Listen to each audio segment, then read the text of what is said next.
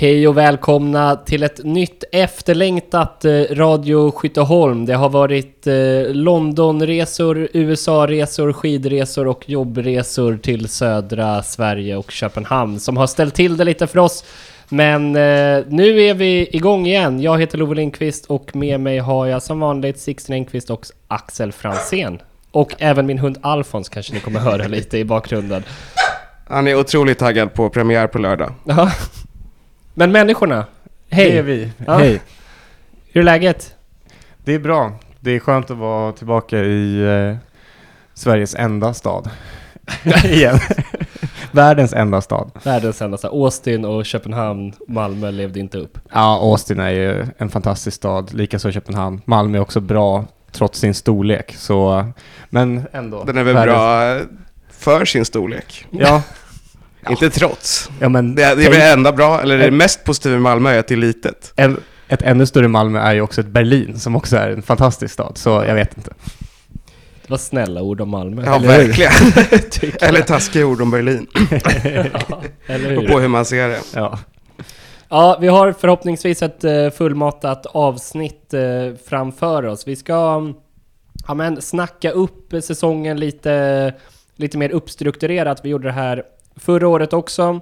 Eh, där jag bland annat sa att AIK skulle gå obesegrade på hemmaplan.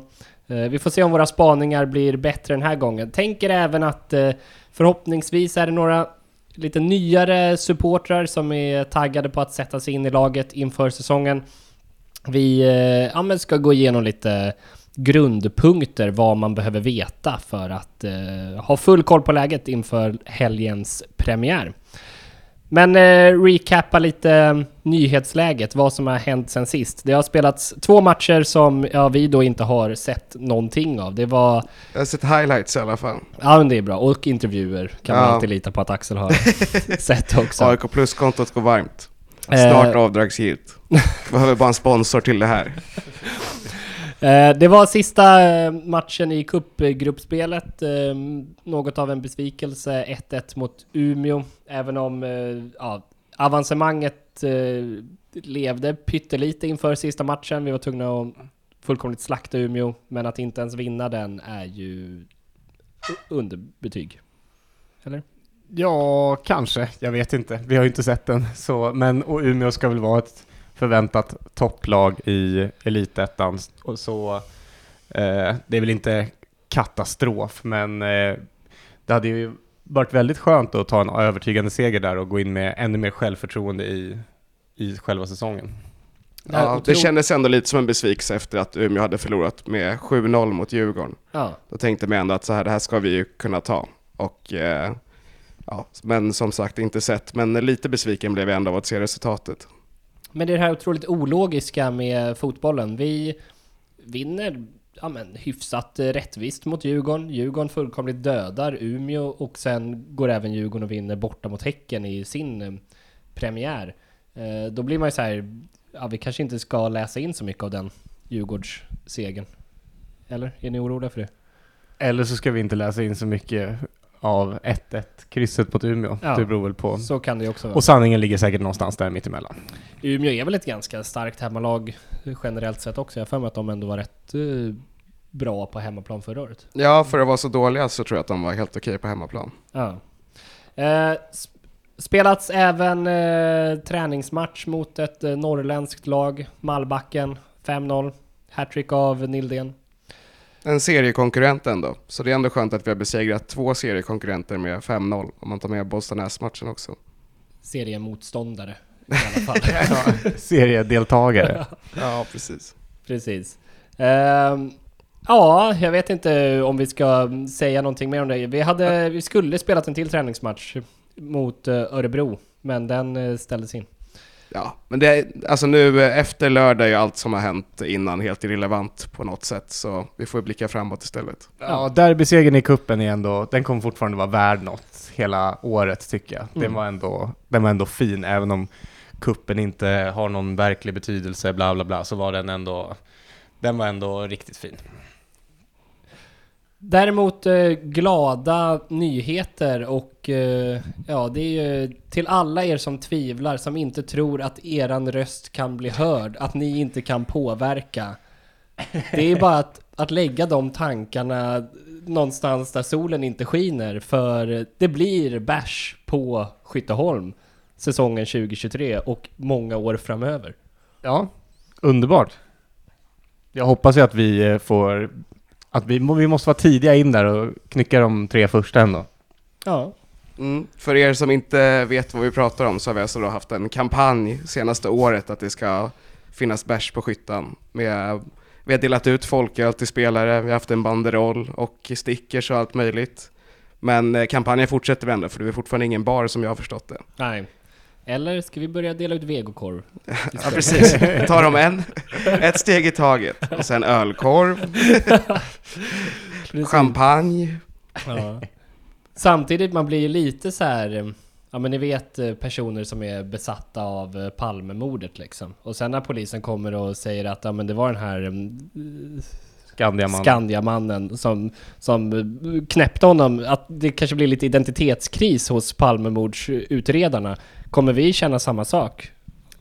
Kanske lite. Det är alltid skönt att ha ett tydligt liksom, syfte i livet och när det uppnås så kan man ju lätt bli lite vilsen. Ja, men då är det väl det som Axel är inne på, att det ska vara en, en bar med, eh, om inte fyra väggar, så i alla fall eh, avspärrningsband.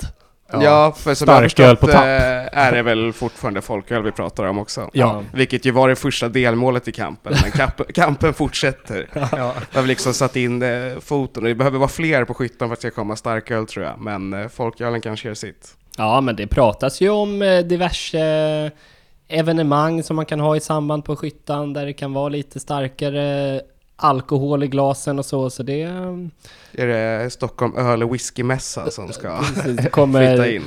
liksom ske i samband med AIK Rösse där i... Nej men, eh, så jävligt kul. Det, jag ser mycket fram emot att dricka den första ölen på skyttan i helgen. ja. Den första icke med, eget medtagna ölen. på Precis. skyttan. Den momsbetalade... eh, ja, iskallt kommer det visserligen vara ute, men man får väl ha vantar på sig. Eh, en värmande kall folköl. I en Nej plastmugg. men eh, underbart att vi ändå fått gehör, vi och alla andra som har stöttat kampen. Ja. Mm, säger Alfons. Ja, eh, betyg på försäsongen har vi också skrivit ner. Vi har inte riktigt eh, tabellraden framför oss eller så, men det har ju varit seger mot eh, två stycken, som ni var inne på, två stycken elitettan-lag. Vi torskade väl även eh, mot Gamla Uppsala. Och sen har vi kuppen på det. Vad Tycker ni att det är en godkänd försäsong? Ja, framförallt sett till, eh, det ändå spelet som har varit det relevanta och det känns ju som att vi liksom har tagit steg hela tiden. Och Jesper var inne på eh, i en intervju att eh, vi har haft, fått ha en ganska kontinuerlig trupp ändå, även fast det har varit några som varit skadade och de har varit skadade nästan hela försäsongen. Så det känns ju som att vi liksom har fått spela ihop ett spel och så. Håller du med Sixten? ja, det får man väl säga. Godkänt. Eh, svårt att svårt att veta, som vi sa med att man vet inte nivån på de olika, de olika lagen så. Eh, men eh, godkänt som helhet. En 2-8 blir det väl i, som helhetsbetyg eller något då. Ja, nej men jag eh, är beredd att hålla med om det. Jag tycker att det känns väldigt tryggt på något sätt. Att så här, försäsongen handlar väl mycket om att få svar på, på sina frågor. Eh, och framförallt inte att det ska väckas fler frågetecken. Så det tycker jag känns bra. Ja, överlag känns det som att liksom hela vintern och vart vi är på väg just nu har ju varit positivt sett till hur truppen har gjorts om och hur eh, liksom klubben mår runt om. På damsidan har det känts väldigt positivt. Ja, nej men verkligen. Man har, eh, vilket mycket kom ju fram i vår, vårt avsnitt där vi intervjuade Robert. Känns verkligen som att det, det har varit skit och nu känns den mesta skiten urrensad liksom. Ja, och samtidigt många enskilda spelare som dels eh, sådana som har varit kvar som man ser har av de unga som man ser har tagit kliv och många av de spännande nyförvärven som ändå ser, ser bra och lovande ut och också har tagit kliv i rätt riktning under, under försäsongen. Så ja, det är med vind i seglen vi kliver in i elitettan ändå, får man säga. Mm. Men eh, vi kanske ska gå in eh, lite på um, så här basic eh, grejer, men kanske kan vara bra eh, även för oss att, eh, att reda ut de här, eh, de här frågorna för oss också. Men vad behöver man liksom veta om man kommer helt ny till AIK Fotboll Dam? Kanske inte har koll på en spelare i truppen, men man vill sätta sig in i den här sektionen också. Skrivit ner eh, fem punkter som förhoppningsvis ska vara lite vägledning eh, för er inför den här säsongen. Om vi börjar med vilka är det som leder laget? Axel, vill du eh, ta den pucken från första början? Ja, det är väl då framförallt eh, cheftränare Jesper Björk och sportchef Herish Sadi. Och båda de kom in eh, i mitten av förra säsongen efter att eh, det var en stor utrensning. Eh, I efterhand har det ju kommit fram att det var väldigt mycket osämja mellan den ledningen och många delar av truppen och att det ja, även var spelare som kände sig illa behandlade och så. Och eh, Manuel Lindberg kom väl in och rensade ut det. Och då pratades det ju väldigt mycket om att eh, vi måste välja en annan väg, att vi inte kan eh, ha så många utländska dyra spelare. Och då plockades två med erfarenhet från akademin in. Och eh, ja, det är de som leder laget. Jag vet inte om Sixten har något mer att säga om dem. Nej. Leder laget på planen gör väl annars eh, också Jenny Nordin som är en, en tydligare kapten i ett lag kan man nästan inte ha på något sätt. Mm. Både med historiken i klubben, erfarenheten av spel på högsta nivå i Sverige och eh, tydlig AIK-karaktär i både liksom attityd utåt i media men också i en tuffhet i spelet också. Så hon ska väl, ja, om man ska nämna någon mer så är väl hon en, en tydlig ledare för det här laget också. Ja, men hon Ja. är ju mycket av en ambassadör eh, även i eh, lite andra sammanhang också mer än vad någon annan spelare i truppen är kanske. När det är evenemangsråd och sådana saker så är Jenny Nordin med och, och representerar spelargruppen. Ja, det ska även sägas att just det AIK-karaktär är ju någonting som Jesper Björk och Herish pratar väldigt ofta om i allting egentligen. Och eftersom att man är fostrad i akademin så märker man att det finns det här språket som då kanske Peter Wennberg främst har med liksom eh, smokinglyra och skruv, med skruvdobb och sånt. Att det är, man är extremt fostrad i klubben och har då valt en väldigt eh, en riktning med väldigt många unga spelare då, då till exempel Jenny Nordin är en av de få äldre och då blir det en mer naturlig ledare också. Men om man eh, går in lite på um, grabbarna lite mer, så här, mm, Axel, hur skulle du eh, säga, hur skulle du beskriva Jesper Björk som person och som fotbollsman? Jesper, det är hans första senioruppdrag och eh, han har ju tagit guld med P17 innan. Men som person och som fotbollstänkare så verkar han ju vara ganska flexibel om man får säga så. Han tror ju på något sätt på ett sånt framåtlutat spel som det pratas ofta med AIK. Hög press, men eh, väldigt mycket att eh, man ska kunna anpassa sig efter motståndet, vilket har varit tydligt den här försäsongen och som även Frigren var inne och pratade om och var med i Studio AIK. Att, så här, men vi har övat väldigt mycket på att, så här, hur vi ska anpassa oss efter andra motståndare. Men en, eh, en modern fotbollstränare på det sättet att han så här, ser eh, människorna i det väldigt mycket och både han och Herrish betonar ju liksom att eh, man jobbar inte bara med spelare och sånt utan man jobbar med personer och hur de mår och så också och att det är viktigt för att prestera. Ja, och eh, sportchef eh, Herish Sadi då, Sixten, vill du sätta ord på honom? Ja, han har vi ju ändå intervjuat två gånger och mellan de gångerna tycker jag också man märker en utveckling. Att första gången var han liksom ny på jobbet, fullt upp och eh, ja, att han, när vi, nu när vi snackade med honom senast, eh, att när han har fått ett ordentligt lugnt fönster på sig, eller vad man ska säga, att han känns mycket tryggare i rollen. Men det är väldigt tydligt att han vill bygga ett ungt AIK-präglat präglat lag som ska ta som ska bli bättre med tiden och eh, vara redo att eh, liksom när vi går upp ta att stora delar av den truppen förhoppningsvis kan följa med och ha utvecklats individuellt så pass mycket så att man kan platsa även i damallsvenskan sen. Ja. Eh, Och de är ju två stora aik båda två, vilket märks när man pratar med dem. Väldigt mycket. ja, då ligger man ju på, på plus automatiskt. Ja, och det är ju någonting som kommer vara väldigt viktigt för den här, eh, för det här laget framöver också tror jag. Om man vill ha det här AIK-prägen, att det är två gnagare som styr skeppet.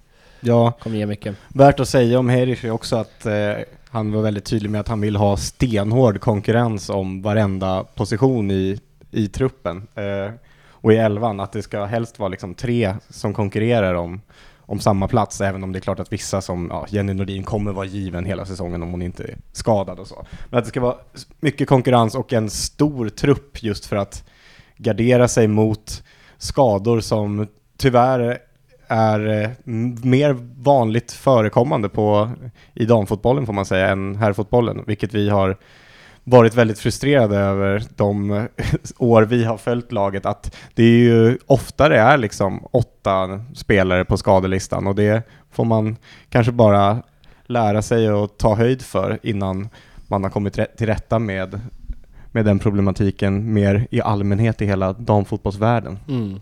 Hedish är också um, som sportchef tycker jag väldigt... Eh, han har lite det här som jag tycker Björn Westerholm kunde ha, att man tror på det han säger på något sätt. Han skulle kunna argumentera för att uh, våran trupp nog faktiskt skulle kunna utmana med Champions League-plats redan nu. Och man skulle bara, ja, jag, jag tror nog på det efter man har snackat med honom. Jag vet inte om det är bra eller dåligt, men... Ja, vad fan, vi vann över Djurgården, Djurgården vann över Häcken, Häcken spelar Champions League, så eh, ja, ja, vad ska man säga? Det är väl rimligt. Ganska logiskt.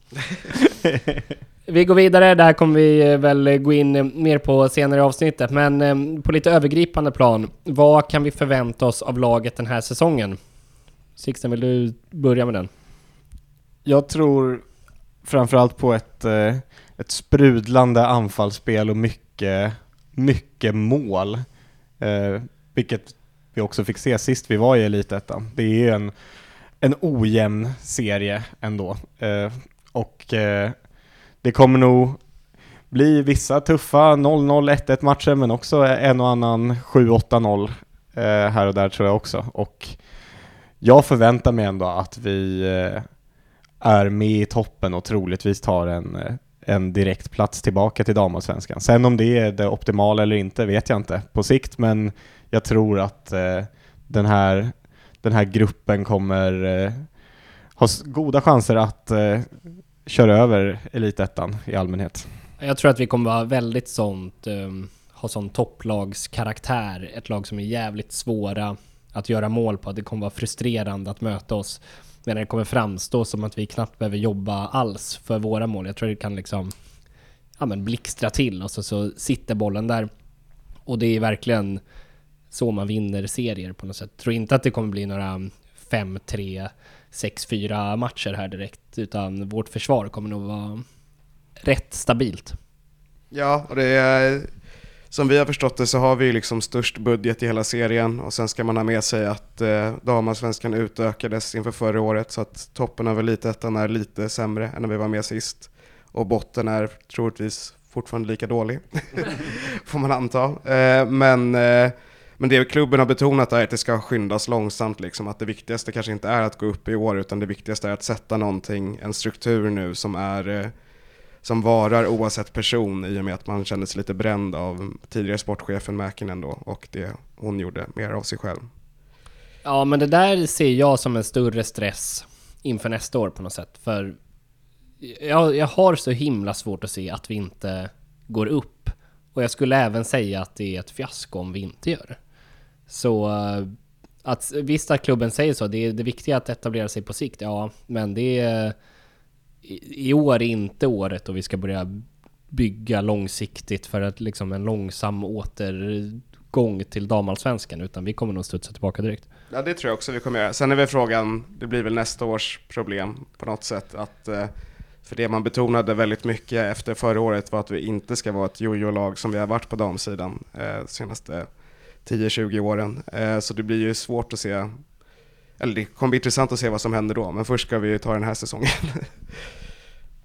Yes, eh, hur är det att eh, se en match på Skyttan? Ja, det här får du ta Love. Ja, får Du har jag ta svarat på den här förra året redan en gång. Har du lyssnat tillbaka på? eller? Nej, jag kollade bara dina anteckningar. All right. Alltså det är ju såklart eh, natt och dag mot eh, hur det är att se fotboll på nationalarenan.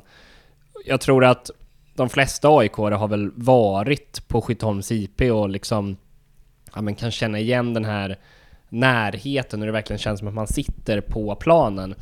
Men när man också får uppleva det vecka efter vecka, då blir det som att man blir lite ett med de där röda stolarna, tycker jag. Att man mycket mer känns som en deltagare än som en åskådare, tycker jag framförallt. Och sen, även om vi är många som är glada över att det ser ut som att skyttan kommer byggas om och, och förbättras som fotbollsarena, eh, eller vad man ska kalla det, så gillar man ju även det liksom ruffiga och roa, de ganska skitiga toaletterna och den simpla infrastrukturen, eller vad man ska säga. Eh, så det blir väl det här, eh, det här klassiska som folk eh, ropar efter och som folk tycker om när de åker på mm, fotbollsresor till England, att det är fotboll på riktigt. Det har vi faktiskt på plats i Solna redan. Så det är största anledningen varför jag verkligen gillar att gå på Skyttan, att det är sådana kontraster mot hur det är att se AIKs herrar spela hemmamatcher.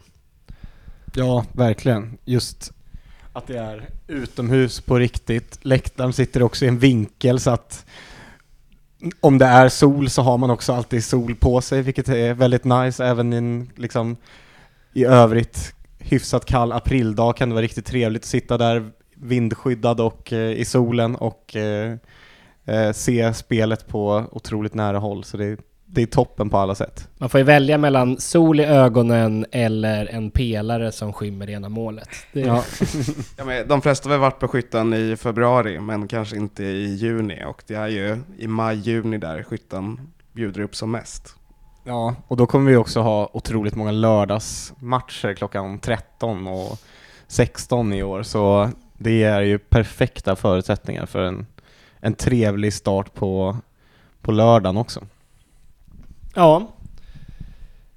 Vi eh, hoppar vidare. Vem är lagets stjärna? Och eh, även om det är flera spelare som följt med från eh, damallsvenskan, vi var inne på Jenny Nordin bland annat, så är det väl ändå Matilda Nildén som är eh, stjärnan i det här laget. Ja, det får man ändå säga. Eh, hon har ju varit i klubben nu i en och en halv säsong innan och är en superlovande talang som dessutom har tre AIK-spelare i eh, familjehistoriken, både på herr och damsidan. Och eh, blommade väl ut framförallt egentligen ja, men gradvis med förra hösten och det var väl en stor grej att hon stannade den här säsongen för hon hade nog kunnat gå både utomlands och eh, framförallt i damasvenskan. Och hon har nu fått nummer 10, är en sprudlad anfallare och det var väldigt tydligt i intervjun med Mercy Söderling, Söderling och Sara Frigren också, att de verkligen ser upp till henne, även fast de typ är lika gamla som henne. När det var vem är bäst på träning, vem är bäst på finta och sånt var det alltid Matilda och man såg på dem att så här, ja, vilken otrolig spelare hon är både på träning och på plan. Och framförallt har hon ju byggt på en fysik nu som gör att hon hon kommer vara ostoppbar i den här serien. Ja, hon är regelbundet kapten i, vad är det nu, F18-landslaget? F19 till F19-landslaget. Brukar vara liksom målskytt där också, så hon är en supertalang verkligen på...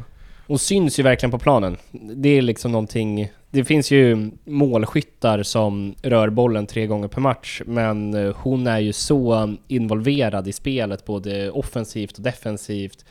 Så jävla stenhård. Alltså när hon sätter in en tackling mot läktaren på skyttan, då det är gåshud alltså. Ja, och det händer alltid något när hon får bollen i offensivt läge också. Även om inte varje liten trixig skarv eller fint går hem så är det ändå alltid, man får den här känslan som man, ja, man får av vissa spelare att så här, nu, kan, nu, nu händer det något, nu kan det hända vad som helst varje gång hon får bollen egentligen. Och det är ju en, typ den härligaste känslan att få av en spelare överhuvudtaget. Ja. Hon kommer passa otroligt bra i hon egentligen klippt och skuren för efter hur Jesper Björk vill spela fotboll med snabba omställningar och hög press och hårda tacklingar. Liksom. Hon har alla de delarna.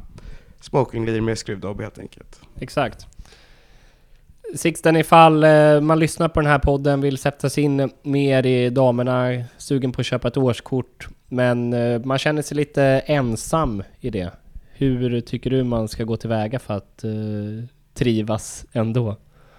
Eh, ja, det är ju en, en tapper skara som ofta är ganska samma som är på, på Skytteholm och eh, bara under de åren vi har gått så tycker jag att man, man, börjar, man känner igen folk, man, man småsnackar med folk och eh, det finns, eh, de flesta är väldigt trevliga bara. Och sen är det också snack nu om att Black Ladies, där man såklart ska gå med då i första hand också. Eh, de har gjort en, en, del aktiviteter inför och kring matcher så också, eh, ett gäng bortaresor, men att det ska bli en mer permanent samlingspub innan match. Eh, inte helt spikat än, så man får väl börja med att följa dem på, i sociala medier för att se när det kommuniceras ut någonting där.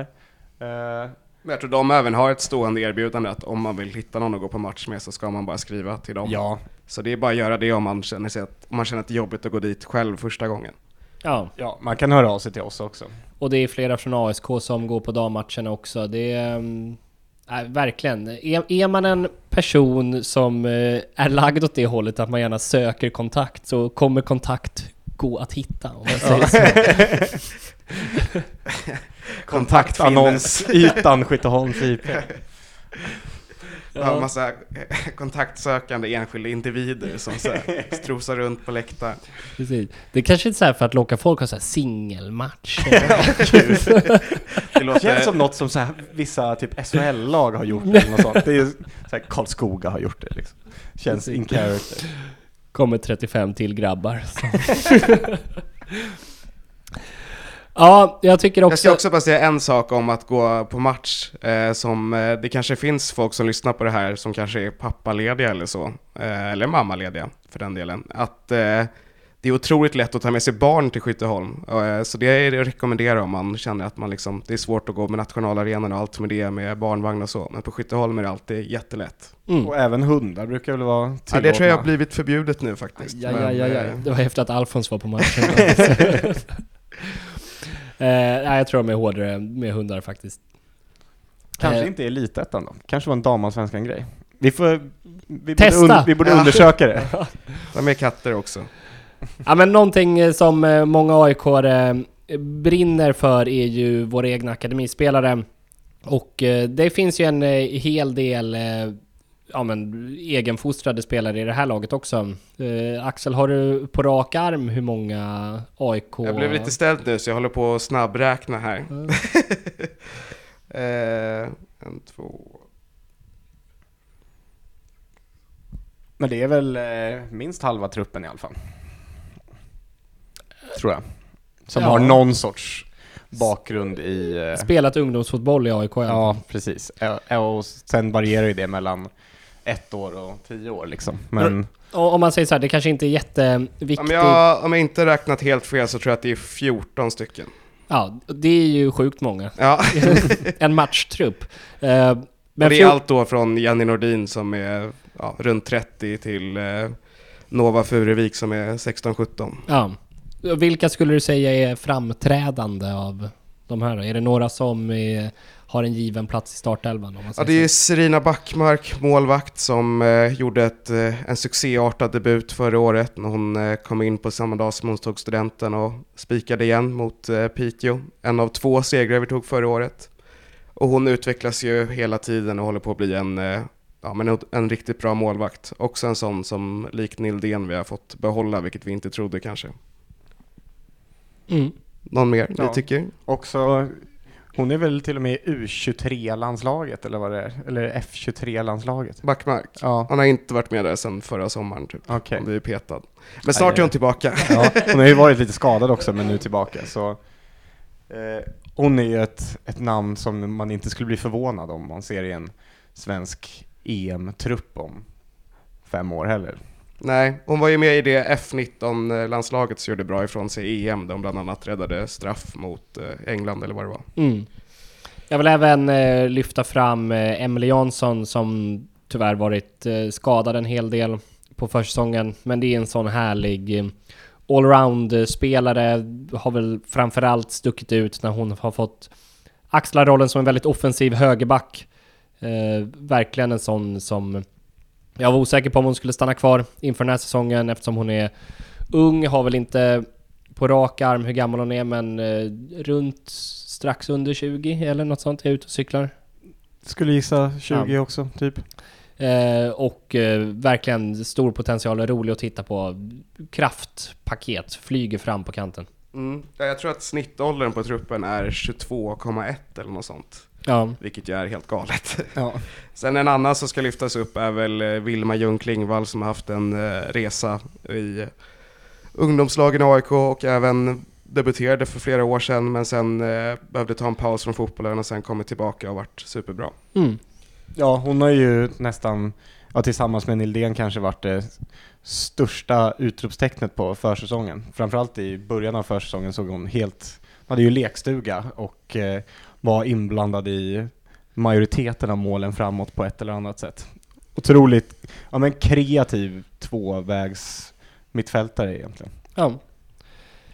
Yes, men eh, där eh, tänker jag att vi eh, släpper det här segmentet. Jag hoppas att ni som hade noll koll har lite koll nu i alla fall. Och vi fortsätter med att gå in lite mer subjektivt på våra...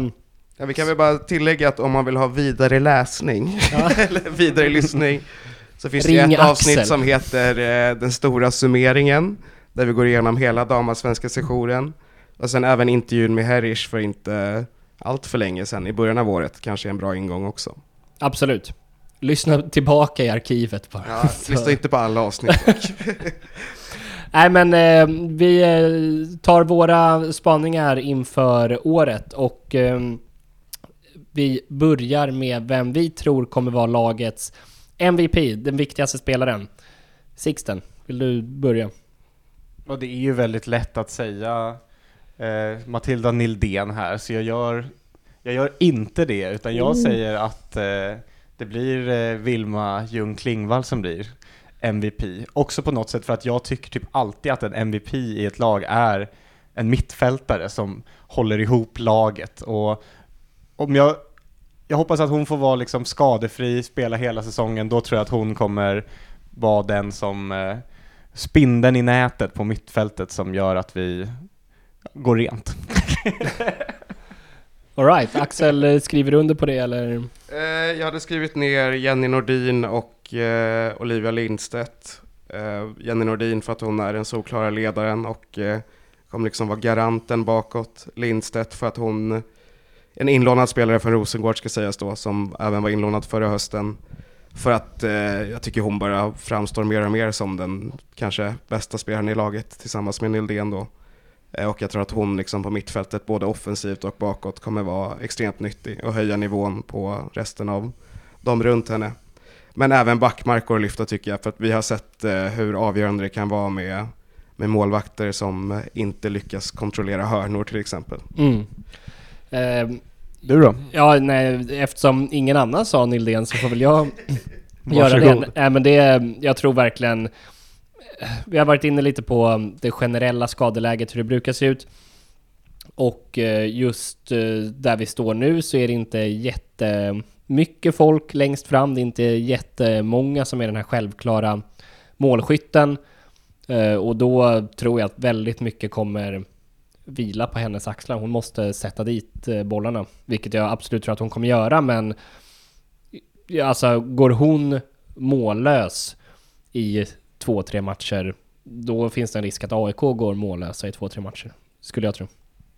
Ja, jag tror inte riktigt det. Jag tycker ändå vi har ett gäng som, även om hon är den som sannolikt kommer vara inblandad i högst, högst andel av våra mål, så tycker jag ändå att det finns ett gäng spelare som också visar att de kan luckra upp försvar på, på bra sätt också. Michel men- Rojas Flores har inte nämnts i det här avsnittet Nej. än.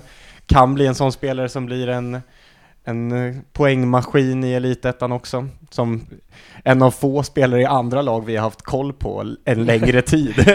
Men jag tror att Nildén kommer vara så viktig även när hon liksom kanske inte är den som gör målet. Men bara hennes närvaro på planen, hon kommer dra på sig så mycket uppmärksamhet från motståndarnas backar. Jag tror man verkligen kommer märka matcher då hon är borta att eh, det saknas någonting väldigt viktigt i vårt anfallsspel. Ja, och Ja. framförallt mot de lagen som, alltså där det kommer avgöras mot övre halvan då, eller topp 6 i alla fall, så tror jag att vi kommer behöva henne mest också. Alltså största anledningen till att jag inte tog henne är för att jag tror inte hon är med hela säsongen. Så Mm. det var därför.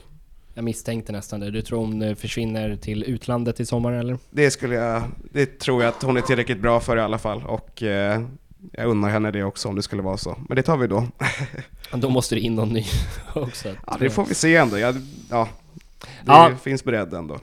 Årets eh, genombrott. Det är också, innan vi tar det, så passa för fan på att se Matilda Nydén på Skytteholm nu. Det kanske inte, kanske inte är mer än, hur många hemmamatcher har vi under våren? Fem. Eh, som man har chansen. Så se till att ta den. Exakt. Nej men årets genombrott. Axel, vem tror du eh, kommer explodera i år? Ja, det här är ju, det är ju tuff konkurrens som det här i och med att det är så många nya i laget och så många unga i laget på något sätt. Eh, men eh, jag gillar ju alltid att nämna flera istället för en och sen bestämma mig i, stund, i stunden. Men jag har skrivit ner Sara Frigren och Annika Svensson där. Två som har fått spela väldigt mycket på försäsongen och som är eh, väldigt unga båda två. Jag tror att de är 17 år bara, födda 05. Annika Svensson ytterback som eh, Ja, vi har, eh, vi har haft en resa med under försäsongen på något sätt, men som jag ändå tycker ja, men utvecklas hela tiden. Och Frigren är ju liksom en tvåvägsmittfältare som kanske är lite mer offensivt lagd, men som verkligen har visat att hon, att hon kan göra mycket. Eh, kommit från Tyresö i division 1 och ja, men verkar redan ha nivån i sig. Men jag landar nog i eh, Frigren för att jag tycker att eh, hennes eh, toppar känns, eh, känns högst. Ja, jag, jag tänkte lite på genombrott som kanske en spelare som i premiären eventuellt startar men ändå är liksom så här lite mellan startelva och Ja, men bänk. det skulle jag ändå säga att hon är. Ja, nej men det, jag försöker Ja. bygga upp ett resonemang här. Men som sen är tokgiven i den sista matchen på något sätt. Det är liksom där jag vill ha genombrottskategorin. Och eh, jag landar nog i två spelare där Frigren är den ena men Hedda Johansson är den andra. Jag ser att hon har genombrottspotential. Vi kommer troligtvis spela med tre mittbackar. Eh, det är fyra mittbackar i dagsläget som slåss om de platserna. Eh, där eh, ja, men Hedda är väl lite ja, men, tampas med Julia Laukström om den här sista platsen. Men jag tror att i slutet av säsongen kommer hon ha tagit den platsen och vara given i startelvan. Mm, det ska väl sägas att eh, de här två matcherna vi inte sett så spelade vi, eller vi spelade inte trebackslinje i sista tror jag i alla fall. Så det kommer nog vara ganska Ja, ja, ja. flexibelt vem som gör det. Sixten, vem eh, tror du?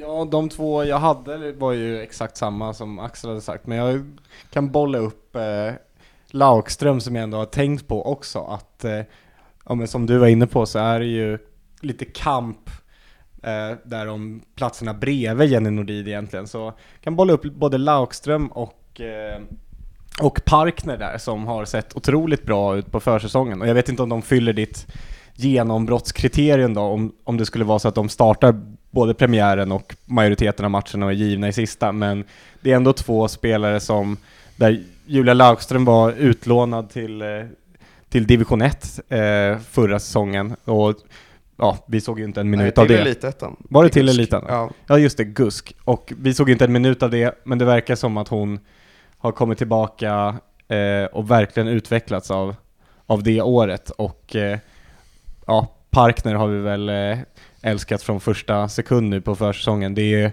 hon lever upp till det som sades i, när hon presenteras, att hon älskar att försvara. Det, det gör hon sannerligen. Hon lägger inga fingrar emellan, så det är en det är, en hård, det är hårda mittbackar vi har i, i laget generellt och även de yngre smäller på när det, när det krävs och så fort det de får chansen egentligen. Yes. Vad tror ni om eh, en spelare som Moa Sjöström som väl är ja, en av två anfallare känns som nu. Hon är eh, 26 blir man väl om man är född 96? 27 fyller hon år. Man kanske inte behöver vara ung för att vara ett genombrott Nej men precis, det var lite Jag tänkte här- nästan att Parkner var för gammal för att vara ett genombrott Ah. hon är bara 22. Nej men eh, Moa Sjöström eh, har gjort jättemycket mål i division 1 eh, och har man liksom inte varit på en högre nivå och presterat men plötsligt gör det, är det väl något slags eh, genombrott? Eh, Absolut, lite av en late bloomer kanske. Ja, jag kan, hon har varit upp och ner under försäsongen men jag kan ändå se att det blir fullträff eh, spelmässigt och att hon gör eh, 20 mål den här säsongen och det får man väl ändå säga är anmärkningsvärt om det skulle bli så. Absolut.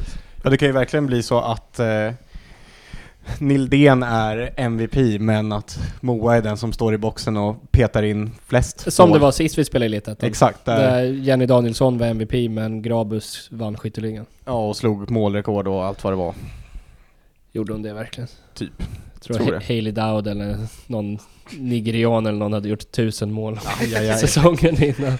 Men det ska väl, om man ska ta det här du sa liksom att så här få starta, i, eller inte kanske starta i början men sen jobba sig in, så har ju Annika Svensson kanske mot sig att det är så extremt tunt på ytterbackspositionerna så hon kommer nog liksom få spela nästan hela tiden. Det jag tänker om, Jansson är fortfarande osäker känns det som, så hon kommer ju få börja där liksom. Ja, precis. Och det är det jag känner är också henne emot. Jag tror hon absolut kommer starta, men jag tror Emelie Jansson kommer eh, starta sista matchen. Ja men då är frågan om hon petar eh, Lalle som hon gör just nu.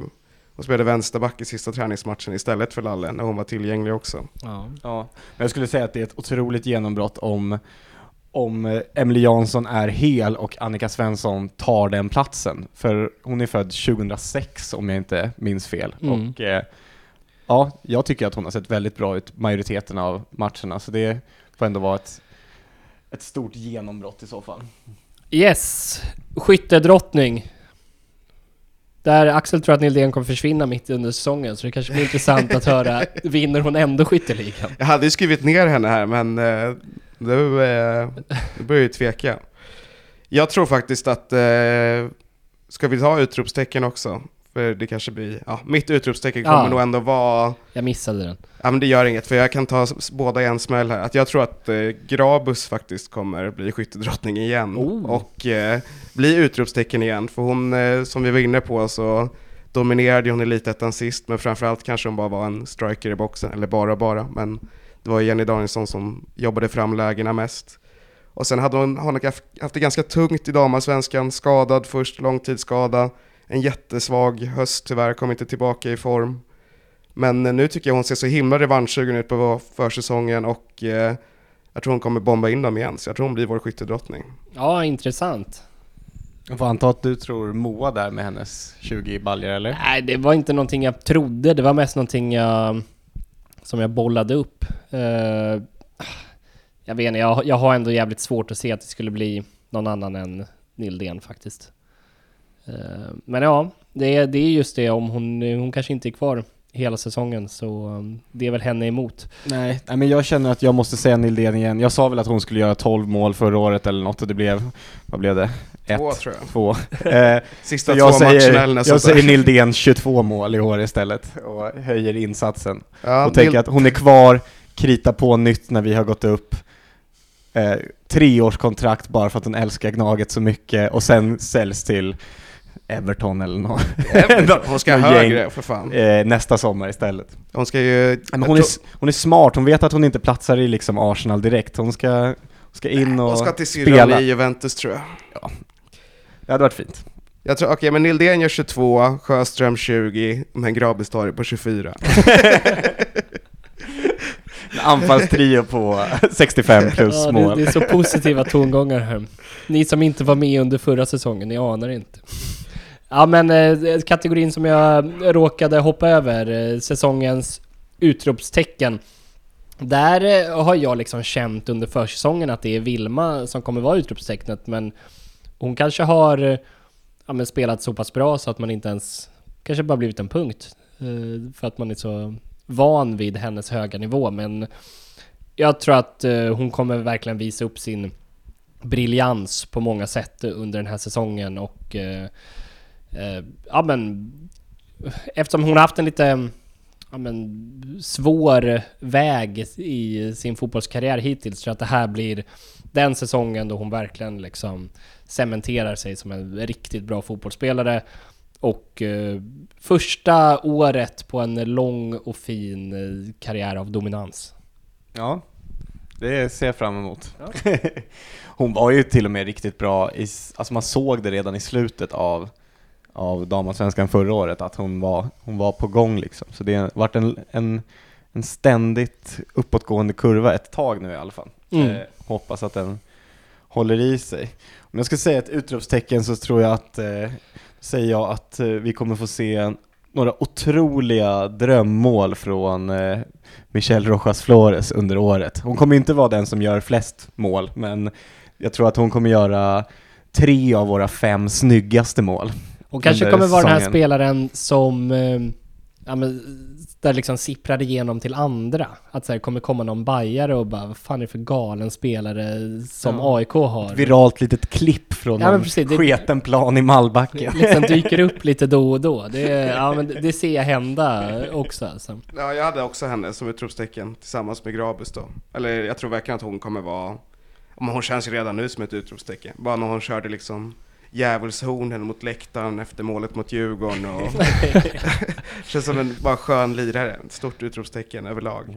Ja, Och hon har ju pratat väldigt, eller Herrish pratade ju mycket om när han värvade henne, att hon var så otroligt revanschsugen, för vi känner igen henne från BP, där hon har gjort mål mot oss flera gånger, men sen fick hon inte följa med BP upp i damallsvenskan när de gick upp och spenderade, fick ändå, fick åka till Sundsvall istället, vilket inte är så jävla kul.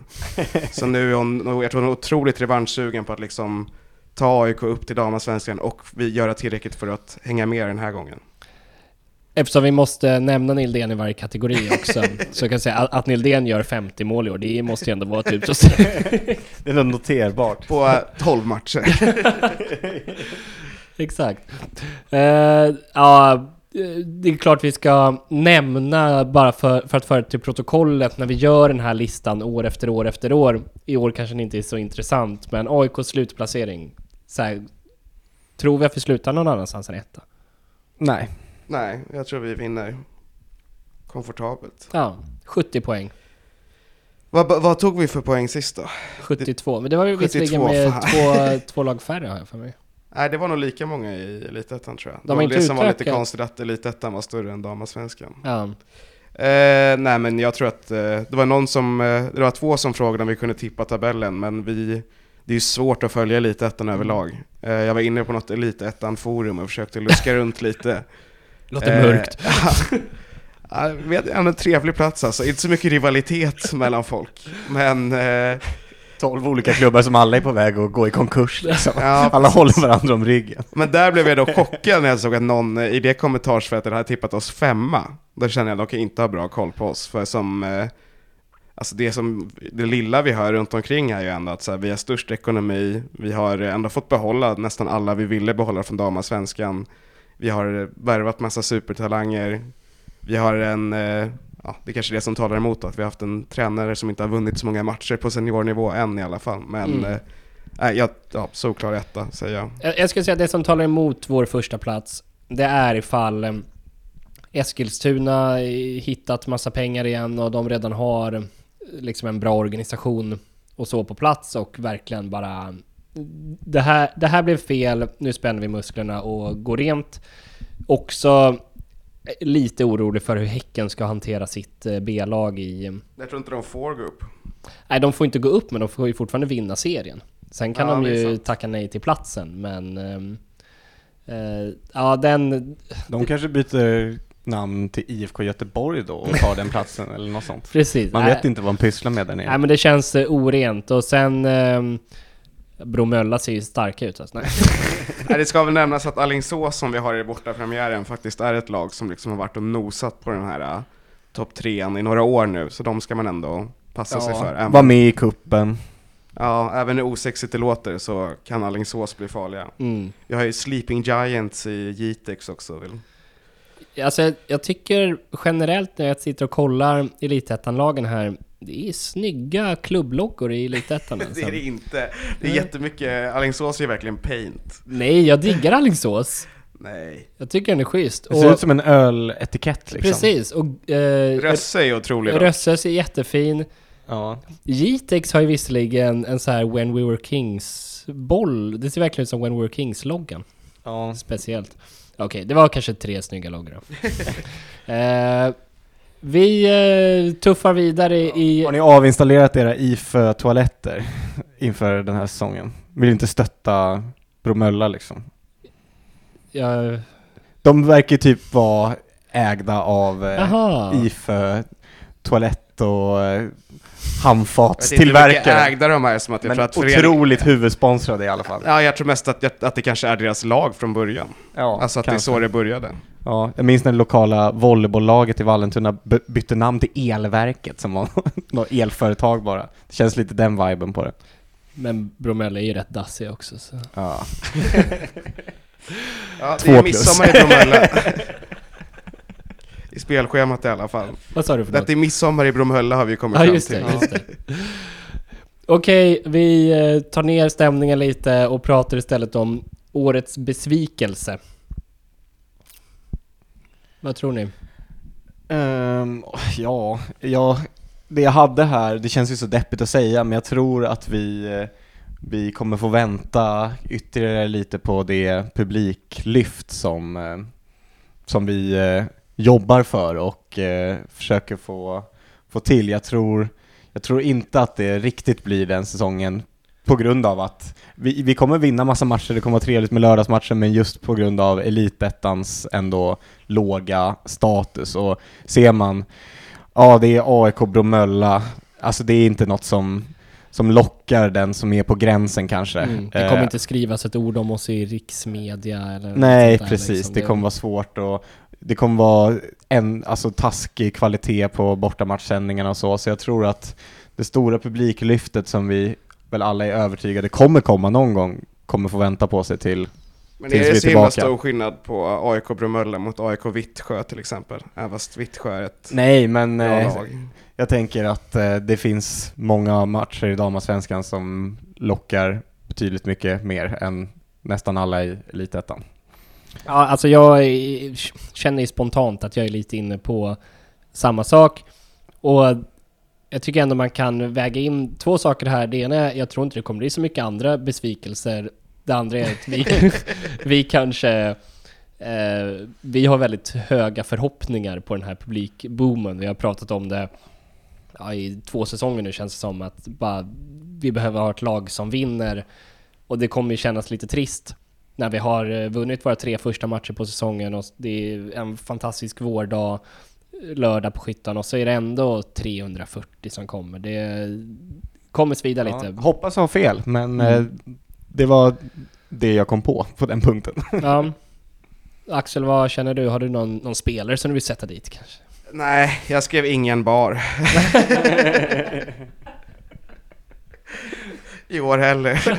jag är ännu inte nöjd. Jag, har faktiskt, jag kan gå vidare till positiva överraskningar, för där har jag publiktillströmning faktiskt. Oj, oj, Och inte då för att jag tror att det kommer vara 1000 pers på varje match, men jag tror att vi kommer liksom slå, i alla fall under vår tid, publikrekord i, ja men till exempel match när vi går upp så tror jag ändå vi kommer vara 2000 på skyttan och det har vi inte varit i närheten av innan. Och vi snittade väl typ 451 eller något förra året och jag tror ändå vi kommer öka vårt snitt till typ, ja men 600-700 i år. Just för att det faktiskt känns som att så här, äh, det har börjat, ja men det finns ett evenemangsråd, det börjar hända saker. ASK tillsammans med Black Ladies gör väldigt mycket.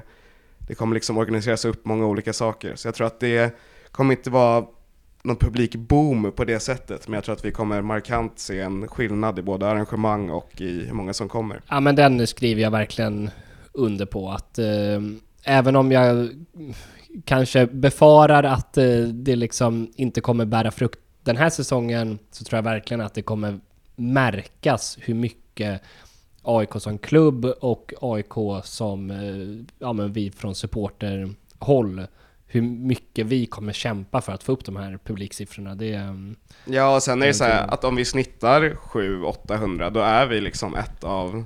Det krävs inte så mycket mer än det än att vara ett av Sveriges största publiklag på damsidan. Så det blir lite så här vad man mäter sig mot, att så här, det kanske inte låter som en boom, men det, om det bara, alltså de matcherna det har varit 800 på Skyttan är ju väldigt bra stämning och huvudläktaren tar ju runt 1000, så det är ju nästan fullt liksom. då. Mm. Jag tycker en eh, bra liksom, trend jag sett i, i debatten senaste tiden, jag tycker det har pratats en del om damallsvenskans framförallt publiksiffror, hur de står rätt stilla, hur det var jättedåliga publiksiffror nu under premiärhelgen. Men för första gången tycker jag att kritiken riktas mer mot ja, men EFD och klubbarna mer än att man har liksom pekat lite på supportrarna tidigare bara, varför går ni inte och kollar på tjejerna för? Eh. Eh, det känns som att det håller på att bli en liksom bättre samtal kring, eller bättre debatt kring eh, publiksiffrorna på Ja, damserien. det är väl det som krävs för att få till rätt ja, optimala avsparkstider och allt sånt där som man har sett att de damallsvenska lagen verkligen inte har fått, även om vårat hemmaspelschema har sett, ser väldigt bra ut. Ja. Eh, Nej, men att. Bayern har väl fyra krockar eller något sånt där, varav en är på en måndag. Det är så Ja, jag tror sjukt Peking alltså. har sju krockar under vårsäsongen. Ja. Och vi hade ju något liknande förra året. Men i år så har vi bara en under vårsäsongen. Ja. Så det tror jag också liksom då är en bra förutsättning för att eh, ja, jag tror att det positiva överraskningen kommer bli att det, oavsett om det blir en boom eller inte, att det känns som att det kommer gå åt rätt håll. Ja. ja, men att åka ur en division och öka sitt publiksnitt är ändå bra, får man säga, om vi lyckas göra det. Om Mm. jag tar lätt 700 eller vad du sa i snitt på förhand. Ja, Ja. absolut. Det är superstark procentuell ökning. Ja, verkligen. Och framförallt då så tror jag att eh, ja, men en match så kommer det, den matchen vi går upp den här gången kommer vara en fest. Och det kommer vara början på något stort. En planstormning till och med. Ja, varför inte? Sixten, har du någon annan eh, positiv överraskning? Det känns som det mesta vi har sagt är, är Mm. positivt. Sen om Men det är överraskningar? överraskningar. Vet jag inte. Jag känner att den mest positiva överraskningen har redan kommit, att det trots allt blir folköl i kiosken. jag, jag, trodde, jag trodde inte på det och sen sa Manuel, det kändes lite så här, ska han bara... För sen hörde man inget på ett tag om att det faktiskt Man skulle hittat bli något. folkölen på den högsta hyllan i butiken. Ja, det var bara han som kunde hitta den. Ingen har ens letat så högt upp innan. Eh, nej, eh, men eh, det är en positiv överraskning som redan är, redan är på Eller plats. Då. vad säger ni om det här som årets besvikelse? När vi kommer dit på lördag och bara folköl, folköl. Och så bara, nej, det, det löste sig tyvärr. Ja, det jag är... Ja, jag tror inte på det förrän jag ser det, men Nej. eh, vi, jag känner också att eftersom vi säger att det är klart så är det också ett Ja. sätt att Men oj vad sätta besviken press. du kommer bli. Och Black Ladies ASK har också gått ut med att det kommer bli av, så nu, nu måste det bara lösas. Mm. Eh, om man ska nämna någonting i spelarväg, det här var, mm, ja jag nämnde det lite men jag, jag kände ju under, under försäsongen att det kommer vara en stor positiv överraskning att Vilma vinner Bärsligan. Alltså blir utsedd till vår eh, bästa spelare den här säsongen. Går vi över till, vad kör vi nu då? Kör vi 5-2, 4-8 och en 4,2, en liten Tuborg-styrka där? 5-2, 6-0, 7. Elefantbärsen till, till Vilma varannan match. Nej, eh, ja vi får, vi får jobba, på, jobba fram något där. Ja. Eh, bra, det var egentligen punkterna vi hade, men jag tänker att... ehm, Jag tänker en spelare som vi inte har nämnt som ändå bör nämnas är ju Monica Hagström som är eh, en finsk spelare och den enda utländska spelaren i hela truppen just nu efter att ha haft ett väldigt, eh, väldigt många utländska spelare. Och hon är ju en spelare som ändå har liksom, ja men där är det ju att man har sagt att så här, det här är, hon har liksom exceptionell potential, det är därför vi tar in sådana. Eh, det, det som ska vara förutsättningarna när vi tar in utländska spelare. Och har ju ändå sett spännande ut på försäsongen. Har fått spela lite högerback nu, som att det inte finns några andra. Men eh, tycker bara vi ska nämna henne så att folk inte undrar vem är det där när hon kanske gör succé på lördag. ja, kanske starta på lördag. Ja, jag Det funderade på att nämna henne som genombrottet, men jag, jag har sett lite för lite än så länge, även om man ser i vissa aktioner att hon har otrolig liksom inläggs och frisparksfot när hon är på humör också, så kan det bli några, Hon gjorde väl ett drömmål mot Djurgården också. ja, ja, får vi se tre frisparksmål från henne i år kanske? Jag tänker att vi eh, går in på um, ja, men, si- sista punkten, våran önskade startelva i eh, premiären här eh, på lördag. Axel, Ja. har, du, Ja. Har du det nerskrivet? Jag har ju det. Jag har en 4-3-3. Jag ger mig aldrig. jag vill, någon gång i våra liv ska, ska, vi- ska vi få se ett AIK-lag spela 4-3-3. ja, eh, det är backmark i mål då, 100% given. Sen har vi en, eh, en backlinje. Jag tror inte Emily Jansson är redo än. Hon var inte ens med i truppen mot eh, Örebro, den matchen som inte spelades. Så då har jag Monica på högerbacken, Parkner och eh, Jenny Nordin mittbackar, Annika Svensson vänsterback. Här ska det nämnas då också en annan spelare vi inte har nämnt, Sara Nordin är också ute skadad men kan ju bli ett utropstecken det med, även fast hon är gammal. Eh, och sen mittfältet har jag då Olivia Lindstedt, Vilma Ljung Klingvall och Sara Frigren. Och på anfallet Grabus, Rojas Flores och Nildén. Ja, det låter som en otroligt eh, rimlig Ja, det är väl att. Sjöström kommer ju spela. Vilka hade du på mittfältet sa du? Lindstedt, Vilma Ljung Klingvall och Sara Frigren. Ja. Ja, eh, jag skulle vilja sätta Annika Svensson som högerback och köra Lalle som vänsterback. Annars eh, skriver jag under på, Och Peta Monica. på elvan. Ja, faktiskt. Hon kan få 35 om inte Frigren briljerar, men eh, sen, senaste, senaste Ja, jag, är, jag är fine med vilken som helst av dem, men jag tycker Frigren känns roligare att eh, starta med en premiär. Mm. Ja, om man ska ta det troliga så kommer troligtvis Sjöström starta och Michel kanske spela på mittfältet istället, eller inte alls. Ja, men jag, jag tycker det låter... Jag har kanon, jag har inga... i- i- inga ingenting att anmärka på.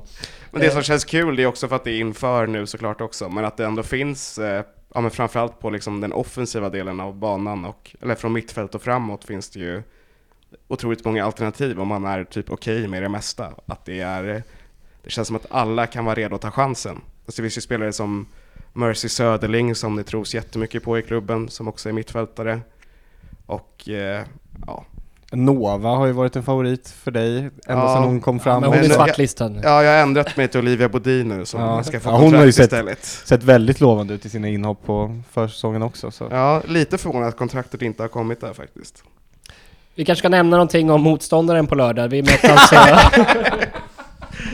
Trellehulla. Precis. Nykomlingarna Trelleborg med AIK-bekanting Ebba Janfors. Ebba? Janfors.